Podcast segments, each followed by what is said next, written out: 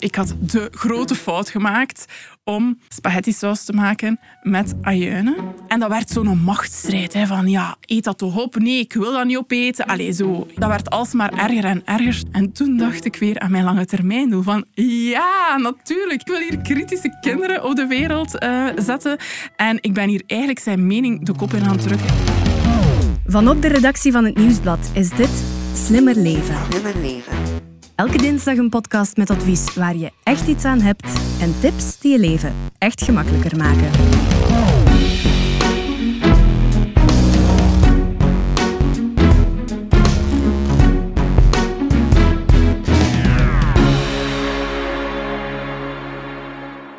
Kinderen opvoeden op een milde manier. Dit is deel 2 van een mini-reeks daar rond kinderen tussen 4 en 12 jaar met al hun fantastische eigenschappen en hun struggles. Ik ben Elias Meekens en bij mij zit Stefanie Verhelst, de vaste redactrice van deze podcast. Dag Stefanie. Hey, hallo. En ook Nina Mouton, gezinspsycholoog en auteur van het boek Mild Ouderschap. Welkom Nina. Hallo. In deze podcast gaan we het dus hebben over kinderen tussen de 4 en 12 jaar en hoe je mild ouderschap bij hen kan toepassen. Wat zijn de grootste uitdagingen? Wat als ze tegenspreken? Grote emoties zoals verliefdheid en verdriet voelen? Wat met verwennen? En hoe kunnen we onszelf en de kinderen helpen in deze uitdagende coronatijden? Alle antwoorden in deze aflevering van Slimmer Leven. Nina, we hebben jou al eens een keer eh, te gast gehad. We vonden het toen zo fijn dat we dachten van, we nodigen jou nog eens uit. Vorige keer hebben we vooral gefocust op kindjes tussen 0 en 4 jaar. Deze keer doen we dat op de groep van 4 tot 12. Jouw eigen kinderen zitten in die groep, hè? Inderdaad, ja. En wij worden verwacht van nu gelukkig te zijn, hè, Elias. Is het waar? Want ja, uit onderzoek blijkt dat kinderen die in de lagere schoolleeftijd zitten, Ja? dat dat eigenlijk de gemakkelijkste groep is, omdat ze zijn nog juist wat afhankelijk genoeg van u, maar ze kunnen ook al heel veel dingen zelf. Dus die, die verzorging, dat, dat is... eh, dat komt zo een beetje op de achtergrond. Dus ja, mijn Klopt. man en ik, wij zijn nu super gelukkig. Hè? Want over, Ja, ja, ja. ja, want over een jaar is het gedaan. Dan is ons Miro 12 jaar. En ja, dan voilà, komt de puberteit eraan. Dus ja, dat, is ook zo. Ik moet zeggen, ik heb die ervaring ook wel met mijn dochter. Die is 13. Ja, voilà. Dus ik vond dat ook wel de... Ja, tot 12 dan eigenlijk de makkelijk. Maar nu begint ze toch wel. Ja, ik ben er nu zo ook, mee, een beetje mee aan, mee aan het lachen. Maar Nee, nee, nee, het dat is ook, inderdaad nee, dus dat is, wel- dat is ook wel Ja, zo. ik Ja, moet absoluut. zeggen, ik ben blij dat ik er ook bij ben, want ik heb drie kindjes. Ik heb nog een van vier, dus die zit nog vooraan in die groep. Dat Mhm. is een peuter, een kleuter. En ik heb, er, ik heb dan twee pluszonen van 10 en 12. Ja, Dus dat is een aardig pakketje. Maar, ehm, maar ja, ik ben, ben heel, heel blij dat ik er eh, ook mag bij zijn Ja. van deze keer. Absoluut. Nu, voor we een aantal specifieke situaties gaan bespreken, eh, moeten we misschien toch eerst nog eens even de basis herhalen, Nina. Wat is mild ouderschap voor jou? mild ouderschap is voor mij drieledig. Mild zijn voor uw kind, mild zijn voor de omgeving, maar zeker ook mild voor uzelf. En dat vergeten we vaak als ouder. We versnellen dat ouderschap, we geven zoveel voor de kinderen, maar zelf, ja, zelf hebben we geen zuurstof meer. Zelf zorgen we niet meer voor onszelf. Of ook voor, ehm, voor onze partnerrelatie bijvoorbeeld. Dat bedoel ik dan ook met omgeving. En dat we zo elkaar wat uit het oog verliezen. Allemaal heel normaal tijdens dat ouderschap, maar wel dingen waar we toch wel op kunnen, kunnen werken en op kunnen letten. Is dat begonnen vanuit een eigen ervaring ook bij jou, Nina? Zeker en vast. Ja. ik ben psycholoog, dus ik dacht... Ik weet het allemaal, hoe ik mijn kinderen moet opvoeden. Dus ik was heel erg aan het moederen vanuit dat ik weet het allemaal. En ik was mijn moedergevoel volledig vergeten. Dus ik begon met straffen en belonen. En, en dat ging helemaal niet. Mijn kind stond dan te krijsen in de hoek. En mijn moederhart brak in duizend stukken. En dan op een bepaald moment, ja, zo rond die, die, eh, die twee jaar zijn we daar echt mee gestopt en heb ik hem uit de hoek gehaald en gezegd van Miro, maar dit gaan we echt niet meer doen. Hoe dat we het wel gaan doen, ik weet het niet, maar we zien wel, maar we gaan wel samen zoeken Ja. naar wat er wel kan werken voor ons, want dit werkt echt En niet. het werkte veel beter voor jullie. Ja, Ja, voilà. inderdaad. Want, want dat is toch het ding bij jou een beetje, hè? dat jij zegt van oké, we gaan het zelf zoeken. Ja, En dat is deel van, daar gaat het eigenlijk over. Het- Het is niet met zo'n einddoel of zo. Hè? Nee, inderdaad. Heel vaak is het einddoel, ik word dan de perfecte mama of papa. Maar dat einddoel kun je nooit bereiken, want het zal nooit perfect genoeg zijn. En we doen onszelf daar zoveel kwaad mee. Dat is nu een groot woord, kwaad, maar... maar, maar Het is de lat eigenlijk veel te hoog leggen. ja, die lat veel te hoog leggen, dat is zo zwaar. Hè. Dat maakt het allemaal nog een keer zo zwaar. En het kan nooit perfect genoeg zijn, dus het kan nooit af zijn. En dus zijn we heel erg bezig met hoe gaan anderen denken over ons. En, en dan ehm, zijn we niet meer aan het verbinden met onszelf en ook niet meer met, met ons kind. Laat ons eens een paar situaties bespreken. Hè. Nina, kinderen vanaf vier jaar, kleuters en lagere schoolkinderen, beginnen meer en meer hun eigen stem te hebben, letterlijk en figuurlijk, hun eigen mening. Tegenspreken is dan zoiets wat voor moeilijke situaties kan zorgen. Het kan ons boos maken. Eh, Hoe ga je daar het best mee om volgens jou? Ja, ik bekijk dan altijd mijn lange termijndoelen. Eh, voor mijzelf. En maar daar raad ik ook mijn, ehm, mijn cliënten aan en de, en de mensen die mij volgen of die mijn boek lezen. Van kijk een keer wat dat jij wilt bereiken op lange termijn. En lange termijn is dan als ze 18 jaar zijn of als ze het huis uitgaan. En dan kunnen we heel vaak zo die lastige situaties omdenken. Omdat een van de grote lange termijndoelen van heel wat ouders is: ik zou graag hebben dat mijn kind eh, kritisch in de wereld kan staan en dat hij zijn eigen stem kan gebruiken en dat hij zijn mening kan, kan vertellen. En dan je voelt dat al, hè? je voelt van ja, dat tegenspreken wordt dan wel iets wat dat we kunnen verfijnen en kunnen ehm, waarvan we een sterkte kunnen maken bij die kinderen. Van, je moet niet zwijgen, je moogt je mening vertellen, maar als je dat op een heel kwade manier zegt, of als je begint te schelden, ja, dan komt dat niet aan bij mij. Dus hoe kun je je mening vertellen en ook echt gehoord worden op een manier die werkt voor iedereen, die werkt voor u, maar die ook werkt zodat ik het kan horen en zodat ik echt kan luisteren naar u en zodat we weer samen kunnen zoeken naar wat is er hier nodig en hoe kan het werken voor ons allemaal? Ik heb eens een voorbeeld van jou gehoord, Nina, uit jouw eigen gezinssituatie van de spaghetti. Met de ajuintjes. Ja, Dat, dat sluit daar toch een beetje bij aan, hè? Ja, inderdaad. Vertel eens, wat was dat juist? Want Ja, de spaghetti met de ajuinen. Dus ik had de grote fout gemaakt om spaghetti saus te maken met ajuinen. Zo, mijn spaghetti saus is doorheen de jaren veranderd van spaghetti met veel groenten naar eh luie moederspaghetti. We draaien een pot open en we doen daar vlees Maar er zit toch eh, altijd ajuin in? In spaghetti? Nee? Ja, maar in, in dus die soort, in, die- in die saus zat er dus geen dedacteerbare, en dat is vooral belangrijk, Ja. dedacteerbare ajuin bij. Dus ik had dan eh, zo dat vlees gebakken met, met zo'n ajuintje erbij, want ik had er zoveel zin in. Ja. En mijn kinderen hadden dat ontdekt, natuurlijk. Hè. Ze vinden hun eigen sokken niet, maar de ajuin in de spaghetti vinden ze wel. En ehm, ja, dat was inderdaad een, een groot drama ehm, bij, bij Miro. Die zei van, ik wil dat niet opeten en, en dat smaakt anders. En, en die, die textuur van die ajuin, ik vind dat niet lekker. En ik zo van, maar Miro, dat is toch maar één keer dat ik daar een keer een ajuin bij doe. Ik ga dat de volgende keer niet meer doen, eet dat toch op. En dat werd zo'n machtsstrijd. Hè, van ja, eet dat toch op? Nee, ik wil dat niet opeten. Allee, zo, ja.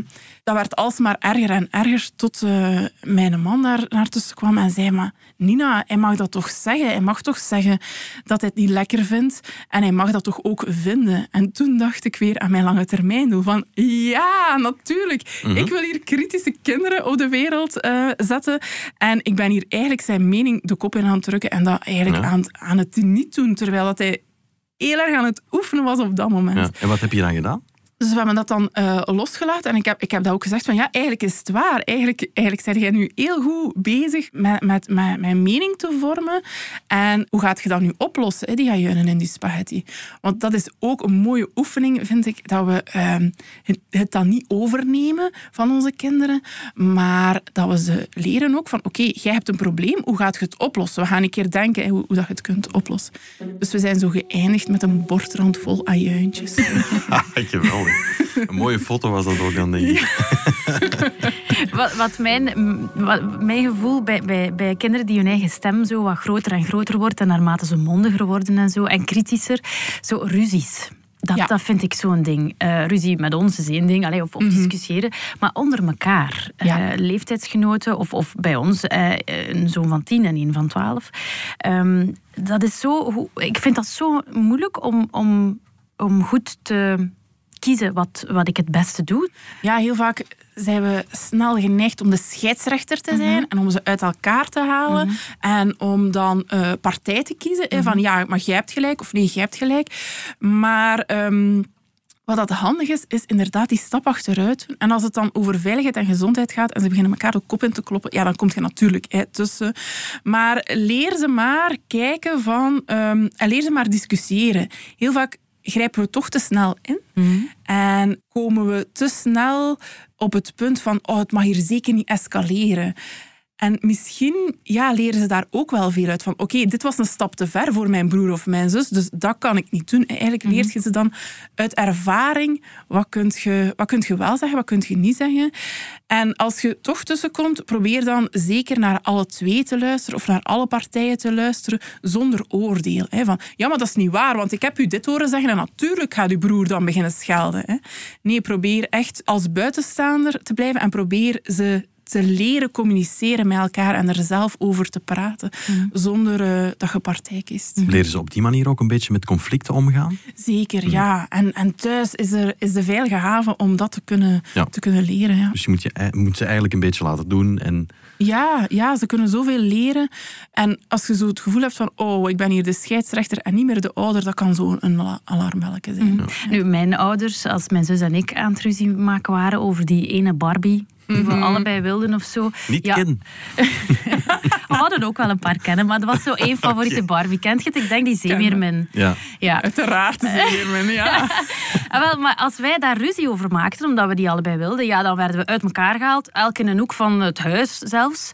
Eh, hup, voilà. Maar ja, En het is opgelost, zo gezegd. Hè? Maar het is dan opgelost inderdaad voor de ouders, want het is kalm.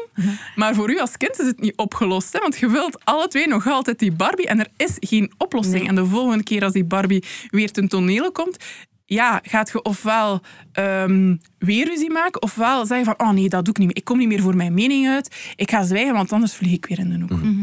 Zeg, en, en eh, wij hebben dan het geluk dat we kinderen hebben die met elkaar kunnen ruzie maken en dat zo leren. Kindjes die alleen zijn, enige kindjes thuis, die hebben, die hebben niet zo'n partner om dat mee te oefenen. Ehm, zijn er daar dingen die je als ouder kan doen? Of hoe, zo, hoe, hoe kan je daarmee omgaan? Om ze dat toch te leren, om met conflicten om te gaan, bijvoorbeeld? Ja, ze zullen wel discussiëren ook met u, hè. Eh, met u als ouder. En dan kunt je daarin ook wel ehm, ja, de partner zijn die hen feedback geeft over eh, de manier waarop dat je discussieert of de manier waarop dat een, dat een boodschap overkomt. En op school leren ze ook heel erg veel. Hè. En, en ehm, ja, op de speelplaats. En als je dan leerkrachten hebt die hen daarin kan begeleiden zonder... ehm, zonder het ook weer te willen oplossen, ja, dan leren ze ook heel veel. Oké. Hun stem en hun taalgebruik wordt groter en uitgebreider naarmate kinderen ouder worden, maar hun emoties eh, soms ook. Hè. Ik heb eh, zelf een dochter van 13. Ik zie dat heel hard eh, evolueren nu. Hè. Dat zijn de moeilijke jaren die dan denk ik er toch wel aankomen. Ehm, of is het zo, Nina, dat ze toch na, na verloop van tijd dat beter kunnen voelen en benoemen? Of hoe? Ja, zeker zo in de lagere schoolleeftijd voelen we wel van oké, ze kunnen zeggen ik ben kwaad of ik voel me verdrietig, maar naarmate dat ze groter worden, komt daar dan ook bijvoorbeeld verliefdheid bij. En dat hebben ze nog nooit gevoeld. En, en dat is wel iets, zo'n overgang naar, naar die volwassenheid, waar dat ze dan ook weer niet zo goed weten. Wat moet ik voelen? Hoe moet ik dat voelen? Moet ik daar nu iets over zeggen? Dat is ook een heel kwetsbaar gevoel.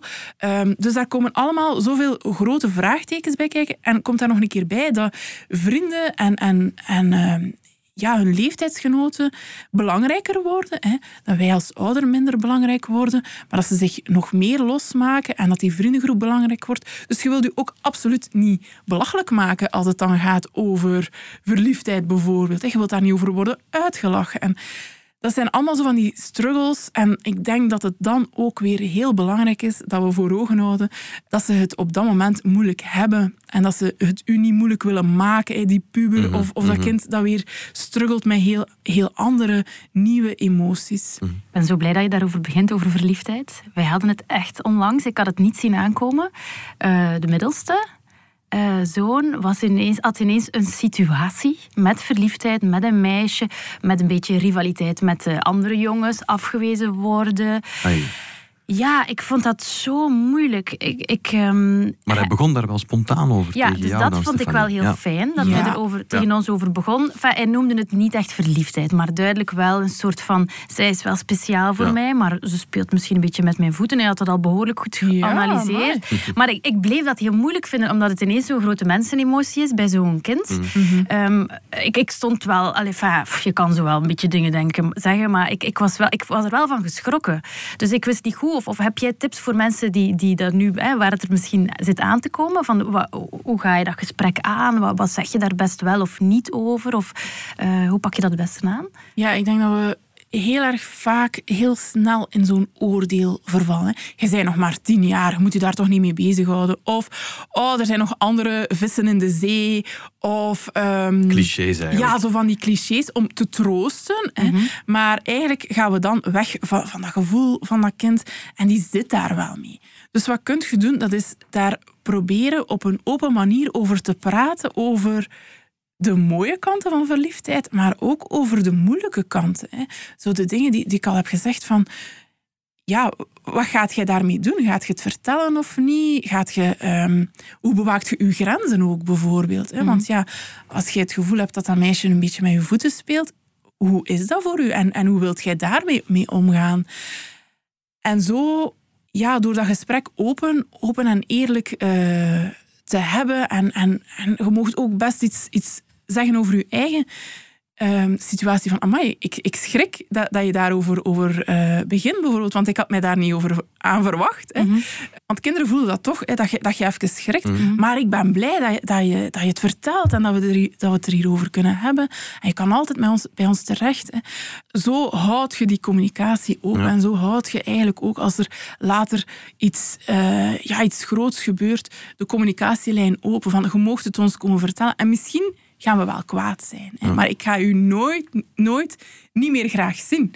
Ehm, we komen er wel samen uit. Dat is toch die verbinding waar je het ook over Ja. hebt. Hè? Dat, dat als dat veilig gevoel er is, als Ja. je, dan, dan, dan komen ze wel. En Ja, dan, eh, inderdaad. Als we het dan hebben over zo lange termijndoelen, dan is een van mijn, allee, dan is mijn, mijn grootste lange termijndoel van ehm, ik wil niet die perfecte mama zijn, maar ik wil wel ehm, mijn kinderen het gevoel eh, geven en eh, als ze twintig jaar zijn ook ehm, het gevoel geven nog altijd dat ze mij kunnen vertellen van "Goh, dit of dat heb ik gemist in de opvoeding.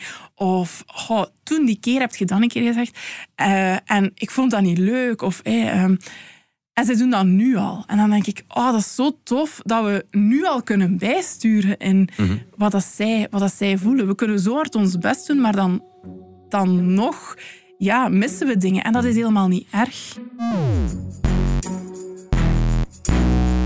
Om even terug te komen op die verliefdheid, jouw reactie, of, of die van Stefanie, wat je daarnet vertelde, hoe je kan reageren daarop.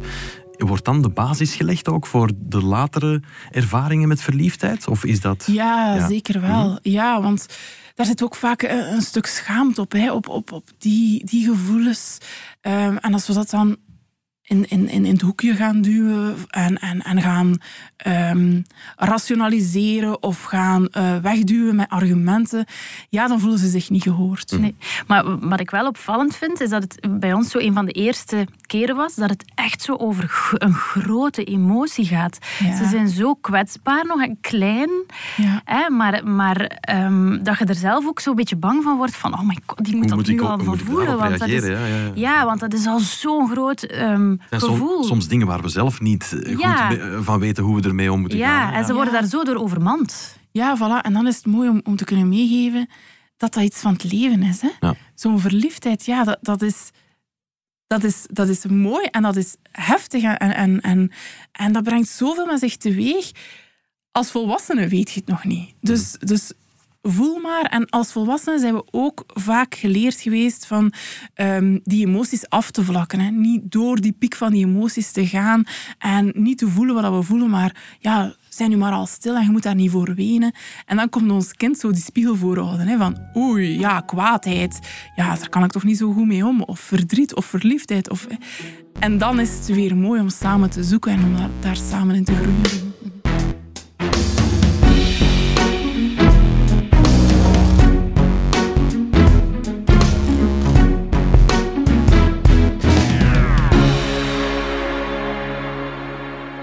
Het afgelopen jaar zijn we door corona uh, meer dan ooit samen geweest met onze kinderen. Thuiswerken, geen les op school, minder opvangmogelijkheden enzovoort. Dat zorgde toch voor extra uitdagingen. Hè? Schermgebruik bijvoorbeeld. Hoe gemakkelijk is het uh, om je kind ja, even voor de iPad te zetten en je dan uh, schuldig te voelen als ze meer dan een uur en daarop bezig zijn? Mm -hmm. Dat is toch ook herkenbaar, denk ik. Hè? Ja, zeker. En ik denk dat veel ouders daarmee, daarmee worstelen met... Ik heb even stilte nodig. En wanneer krijg ik stilte als ze uh, voor een scherm zitten? Dus ik wil dat heel erg normaliseren. Hè als het gaat over uh, dat schermgebruik en je hebt even tijd nodig voor jezelf. Goh, misschien zijt je dan wel een rustigere mama of papa als je even een uurtje voor jezelf hebt gehad. Mm -hmm. En iets kon doen waarin dat je voelt van oké, okay, nu, nu heb ik weer energie of, of, of, of ik ben weer opgeladen. Mm -hmm. of, we maken dan van die schermen zo de grote boosdoener. Terwijl dat, dat ook wel kan kan helpend zijn. Bij ons is dat echt een struggle, moet ik zeggen. Ja. He, dus je ziet bij al die kinderen toch van die leeftijd, 12, 13 jaar, dat ze meer en meer met iPads, iPhones mm -hmm. en dat soort dingen gaan, uh, gaan uh, bezig zijn. Nu, bij ons hebben wij gezegd van, oké, okay, uh, anderhalf uur per dag, opgedeeld in stukken van een half uur. En dat mm -hmm. werkt eigenlijk prima, maar het blijft toch wel moeilijk om, om ze daarvan weg te houden. En om dan te zeggen van, oké, okay, half uur is nu afgelopen, hier stopt het dan ook wel. Dus, dus dat... Ja, heel, ja, heel vaak is zo het probleem, ik verveel mij en de rechte lijn wordt dan getrokken naar schermtijd. Ja, klopt. En ze hebben geen andere opties meer van oké, okay, ik verveel mij, dus ik wil op een scherm. Terwijl er daar dus nog duizenden andere opties tussen zitten die ze niet meer zien. Mm -hmm. Dus hen dan zo wat uit die tunnelvisie halen van oké, okay, ja, inderdaad, er is het scherm, maar wat zijn de andere mogelijkheden nog? Mm -hmm. uh, dat, kan, dat kan soms helpen om hen weer... Um, weer in gang te krijgen ja, voor iets anders. Het andere uiterste, hè, ik ken ook uh, uh, leeftijdsgenoten die eigenlijk uh, geen restricties hebben en waarvan de ouders zeggen van doe maar. Die kinderen zitten eigenlijk van 's ochtends vroeg tot echt 's avonds een stuk in de nacht met dat ding bezig. Dat lijkt me dan toch ook echt niet goed, hè? Ja, dan zet je ze zo wat kwijt, denk ik, ja. in, de, in de online wereld. Mm -hmm. Dus ik, ik probeer altijd te gaan naar, naar evenwichten en naar afspraken die gedragen worden door zoveel mogelijk leden van het gezin. En dan praten wij daarover, hoe gaan we dat aanpakken? En dan heb ik zo'n getal in mijn hoofd van, eh, oké, okay, zoveel uur op een dag en we gaan dat... En dan vraag ik aan hen... Wat denken jullie? En dan zeggen zij altijd een lager getal. Ah ja. altijd. Dat is echt, ja. ja. En dan denk ik, oké, okay, dan, ben ik, dan ben ik akkoord. En dan, hoe gaan, hoe gaan we dat um, hoe gaan we dat doen werken? Gaan we dat in één keer doen? Of gaan we dat um, opdelen? Hoe zien jullie dat? En eigenlijk leert je ze dan echt nadenken en rekening houden met iemand anders die ook wel een ander belang heeft. Ik wil niet dat mijn kinderen twaalf uh, uur op, op een scherm zitten. Um, en zo zoeken wij samen, en zeker als er zo, zo uitzonderlijke situaties zijn van vakanties of, of extra vakanties, van hoe gaan we dat hier eens uh, mm. doen? Weet je wat er ook interessant is? Een schermloze dag. Ja. Interessant. Dat zou een nationale dag moeten zijn eigenlijk. ja. Ja, hè? Hey, ja, dat is een keigoed idee. Ja, Jij ja. voert dat af en toe in thuis? Wij voeren dat af en toe in en dan voelt Voor je... iedereen dan wel? Ja. Ja, ja, okay. ja, ja, ja, want dat is dus echt wel de regel. Dan voelt je hoe moeilijk is, dat is de, de eerste moment.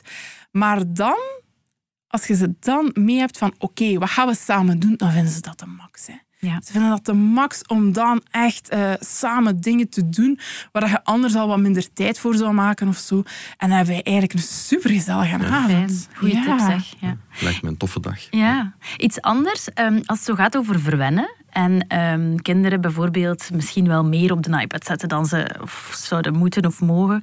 Um, in verschillende situaties.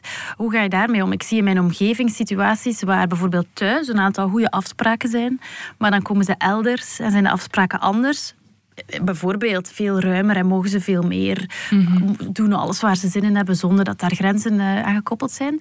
En dan komen die kinderen terug thuis en zijn die heel moeilijk soms onhandelbaar, hoor ik van sommige ouders. Hoe pak je dat aan? Ja, dat is een hele lastige. Hè? Omdat je al snel als ouder ook in een, in een uh, kwaadheid zou schieten naar dan bijvoorbeeld de grootouders waar ze geweest zijn. En dan... Um, ja, zet je die zo wat kwijt. Ja, maar ja, wij mogen wij toch, het is ons huis, wij mogen toch doen wat, wat we willen. En dan raakt je daar zo in de machtsstrijd.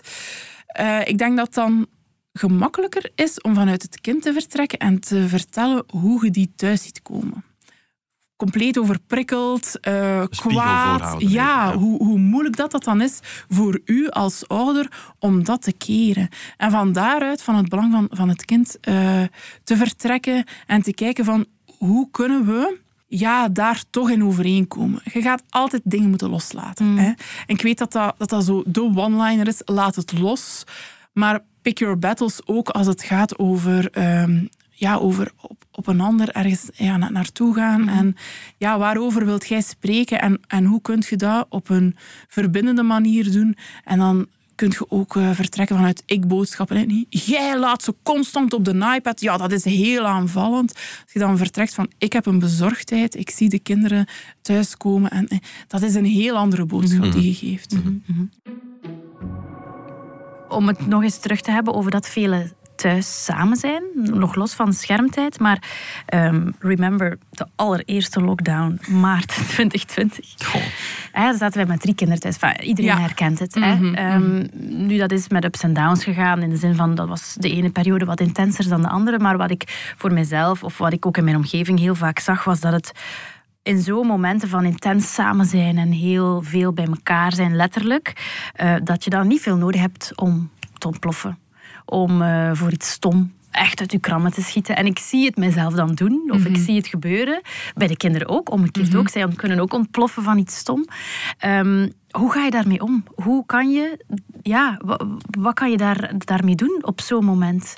Ja, ik denk dat dan het luik zelfzorg uh, heel erg naar voren komt. hè. Mhm. En zelfzorg is niet, ik ga in bad voor een uur en, en uh, op zaterdagavond. En dan moet ik voor de rest van de week toekomen met dat uurtje bad dat ik mezelf heb gegund. Hè.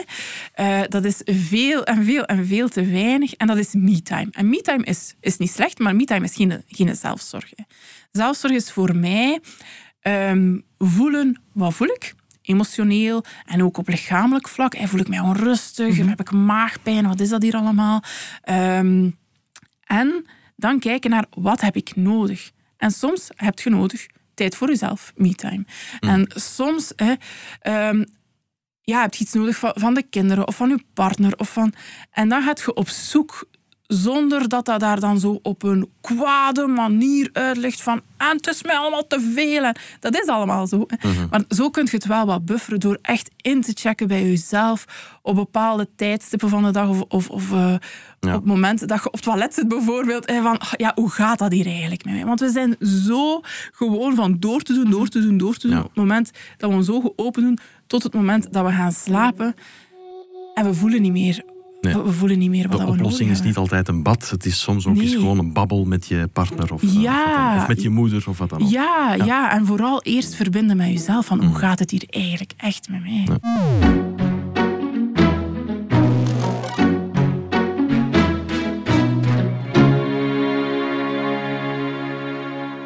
Hoe heb jij dat eigenlijk ervaren dat afgelopen jaar ondertussen al, uh, die lockdown-periode?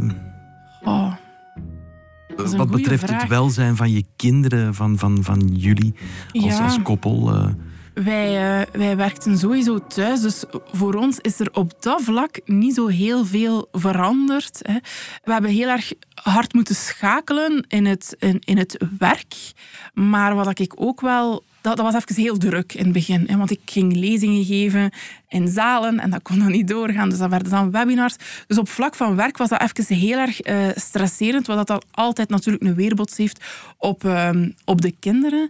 Maar het heeft ook heel veel rust gebracht. Mhm. Want door dat omschakelen uh, heb ik nu bijvoorbeeld veel eh, meer tijd om echt creatief bezig te zijn met wat wil ik doen, wat wil ik de wereld insturen. En dan merk ik dan ook weer dat dat een enorme weerslag heeft op mijn kinderen en op ons gezin. Dus je vond het geen verloren jaar? Nee, zeker niet. En ook voor mijn kinderen Um, zeker ook niet. Zij veren mee, maar ik voel wel zo... Oh, die maatregelen, jong. Dat is toch echt wel heftig als je die allemaal op elkaar legt wat voor, wat voor een hoop is dat geworden voor onze kinderen.